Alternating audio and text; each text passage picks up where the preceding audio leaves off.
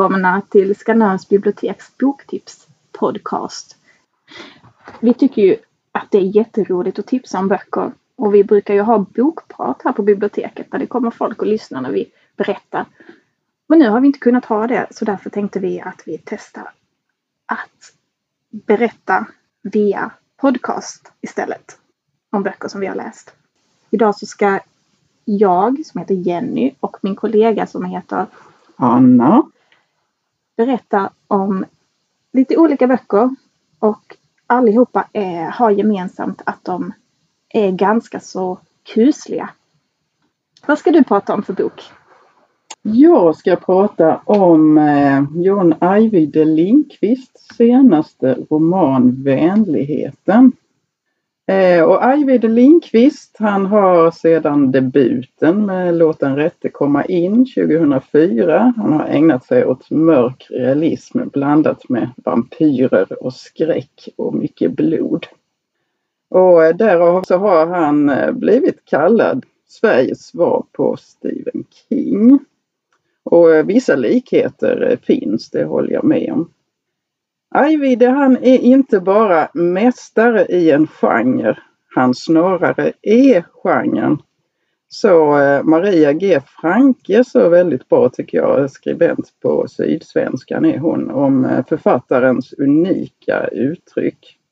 Hans böcker eh, är mycket speciella i svensk litteratur och fyller ett tidigare tomrum tycker jag. Och allt sedan debuten med den mobbade killen som eh, får hjälp av vampyrflickan i Låt den rätte komma in så har han skrivit om skräck i kombination med utanförskap. Och den mobbade killen, det är författaren själv som barn. Och mycket av det han skriver eh, bär drag, eh, mycket självbiografiska drag. Och jag ska säga lite kort om Ajvide Lindqvist att han är ju inte bara författare författare utan han är en mycket intressant mångsysslare. Han är ju också trollkarl och ståuppare och manusförfattare. Och detta går igenom mycket i det han skriver. Och i vänligheten då så skildras småstad, dock småstad i Stockholms närhet. Lindqvist han gräver ju var han står, han kan sitt Stockholm med omnejd och förlägger gärna sina berättelser dit. Men dock i småstad i denna romanen. Och sen så är det ju samtid, uppväxt, klass och en skrämmande vardag. Men också helt vanliga människor, eller i alla fall nästan helt vanliga. Och eh, relationer och kärlek. Och det är ingredienser som är vanliga i en Lindqvist-roman. Men dock är skräcken i den här romanen eh, nedtonat. Här finns inget brutalt splatter alls. Om någon skulle vara avskräckt av detta så finns det inte alls i denna romanen. Och det är hans snällaste roman då men eh, just för att den är snällare så är den mycket otäck otäckare för den ligger eh, sanningen mycket närmare och nära sanningen av eh, utvecklingen eh, i det Sverige som vi ser idag. Men samtidigt så är det ju då en Lindqvist-roman så det delvis mystiska finns förstås med. Och på omslaget så ser vi en ensam klargul container och den står i Norrtälje hamn. Och Norrtälje, en liten småstad eh, en bit ifrån Stockholm, är då eh, småstaden i denna berättelse. I gryningen så bara står den där containern. Varifrån? Varför? Och vad? Frågorna är många. Och den är där mot vår vilja. Den gör definitivt intrång. Och oviljan att erkänna att den faktiskt finns där och rädsla för vad den innehåller gör att det dröjer länge innan den slutligen öppnas. Allt för lång tid. Och någonting hemskt bor där inne i containerns mörker och det här frånstötande, äckliga, hemska rinner ut när den öppnas och sprids ut i Norrtäljeåns vatten. Och vidare från vattendraget så eh, tar sig detta frånstötande äckliga vidare in i människorna. Det tränger allt djupare in och leder till att människorna i Norrtälje förändras. De blir egoistiska och ondskefulla och, eller istället bara uppgivna och livströtta. Och våld och misshandel och ökade aggressioner följer mellan Norrtäljeborna men också antalet självmord. Vänligheten upphör helt att existera.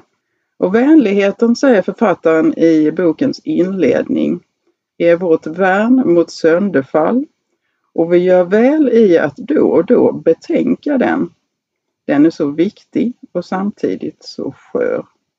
Vad händer om vänligheten vittrar bort? Och vad blir det då av oss? Och allt i den här romanen sker då med den här hotande gula containern som fond. Världen den tränger sig på, likt denna containern in i lilla Norrtälje utan att vara efterfrågad.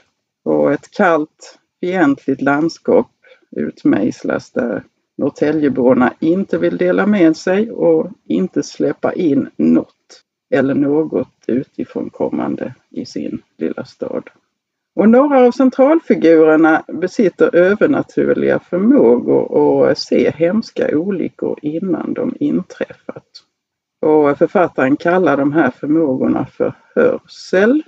Och det är ju såklart en variant på eh, Stephen King-benämningen varsel i boken med samma namn. Och ett flertal personer rör sig kring ån och containern och centralt så är det sex unga vuxna som vi lär känna närmare. Det är ju då en tegelsten det här. Den eh, har ju 716 sidor men man ska absolut inte låta sig avskräckas av det för jag tycker den blir bara bättre och bättre allt eftersom och den är ju väldigt lättläst till stor del bärs den fram av dialogavsnitt. Och här finns absolut inga tråkiga beskrivningar. Det är vardagliga eh, betraktelser över verkligheten. De är alltid intressanta och eh, sedd med, med ett helt eget öga av författaren. Man eh, får en helt, ett helt nytt sätt att se på världen.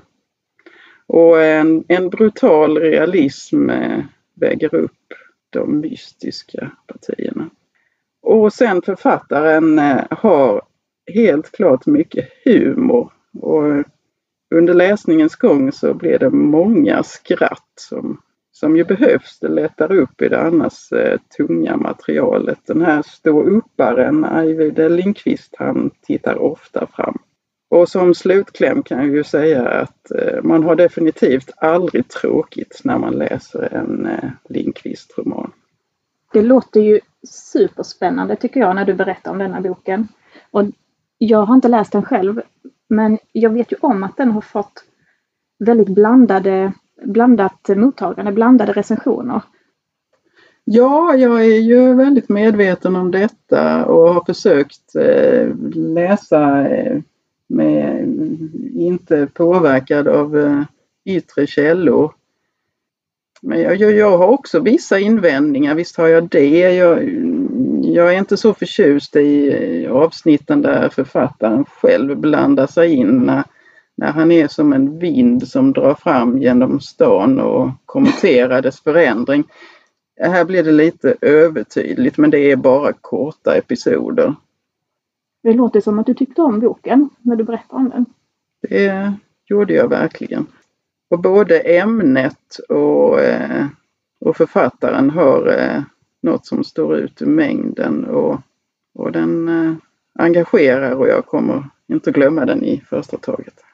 Jag har märkt att när jag läser böcker som jag blir rädd för, skräckromaner eller, eller andra böcker som där man påverkas starkt och blir rädd när man läser, så kommer jag ihåg handlingen mycket, mycket tydligare många år senare än när man läser en bok som kanske man tycker är jättebra men som är kanske en kärleksroman eller någonting.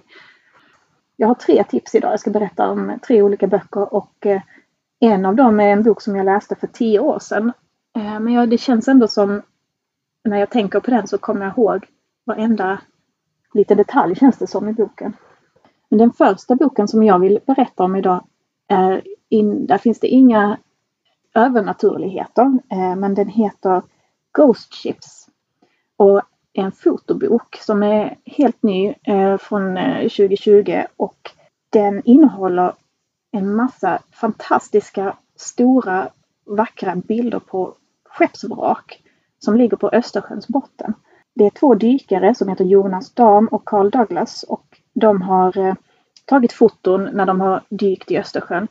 Och i Östersjön så finns det ungefär 100 000 skeppsvrak som ligger på botten och eftersom vattnet är så kallt där och det finns ingen skeppsmask så, så är de här eh, skeppen bevarade på ett helt annat sätt än de är i många andra hav. Och den här boken den, är, den innehåller information och texter också om, om vraken och om skeppen. Men det är framförallt de här fantastiska bilderna som man, man fastnar i dem och de är, de är kusliga, det är alldeles svart runt omkring och det är, det är skepp från alltifrån eh, gamla skepp från 1700-talet och även så här båtar från andra världskriget och det är, det är inga lik eller så på bilderna. Där är någon, någon av de äldre skeppen där det är ett skelett som ligger men det är liksom inte något hemskt så. Um, men väldigt mycket detaljer och uh, väldigt vackra bilder. Sen så har jag läst en bok som heter Aldrig ensam. Det är också en ny bok, eh, också 2020 som den kom. Författaren heter Lina Arvidsson eh, och hon, hon har bland annat skrivit, hon har skrivit en thriller som heter Ett hem att dö för och hon har skrivit en ungdomsroman som heter Det borde finnas regler.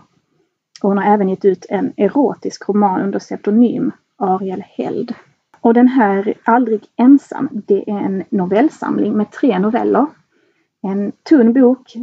Jag tror det är 104 sidor, så det är tre korta men mycket effektiva skräcknoveller. Och titeln Aldrig ensam, det säger mycket om, om innehållet i dem. det är liksom det är skräck i det vardagliga. I alla tre novellerna så finns det ett, ett krypande obehag av någonting som är närvarande som inte ska vara närvarande och som inte kan vara närvarande men som är det ändå.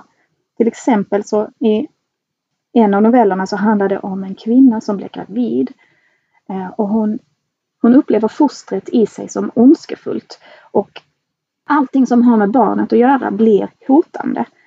Och hon upplever till exempel sina vänner som har barn, familjer och så här, att de är medlemmar i en sekt, i barnsekten, och där alla eh, har så lysande ögon av glädje och mening och, och och de är så glada att hon, nu ska hon också få vara med och, och så uppleva den här meningen och glädjen av att få ett barn. Men hon tycker att det obehagligt. Ja, det här är ju ett ämne som är tabu att prata om också. Att eh, ha kluvna känslor i föräldraskapet. Absolut. Och, eh, och hon vill ju känna den här glädjen också över barnet som hon ska få. Men hon tycker att hon har en inkräktare i sin kropp. Och i, i en av de andra novellerna i Aldrig ensam så är det en person som han upptäcker i sin badrumsspegel att hans spegelbild är inte hans egen bild. Den ser ut exakt som han. Eh, och den, den följer honom, den rör sig som han. Men det är någon annan. ja. Och det här träffar rakt i min, min, min barndomsskräck att eh, man tittar in i spegeln och så ska det vara liksom att där, det är någonting annat där än det som man förväntar sig att se. Och jag ska inte berätta mer om vad som händer i de här novellerna. De är mycket läsvärda och välskrivna och avskalade och lagom läskiga.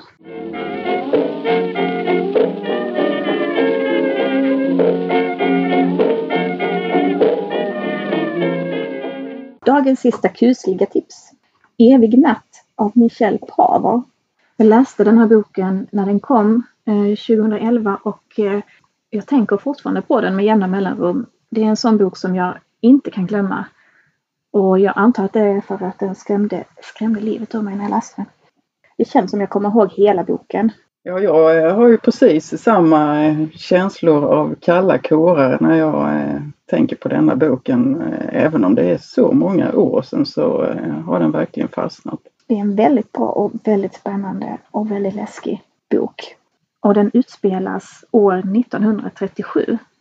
Den handlar om en fattig ung student som heter Jack. Han, eh, han har haft mycket otur i sitt liv. Han har varit tvungen att ge upp sina studier och eh, ha ett jobb som han inte trivs särskilt bra med. Och han lyckan vänder äntligen när han får chansen att följa med på en forskningsexpedition tillsammans med två stycken vetenskapsmän till Svalbard, till Spetsbergen.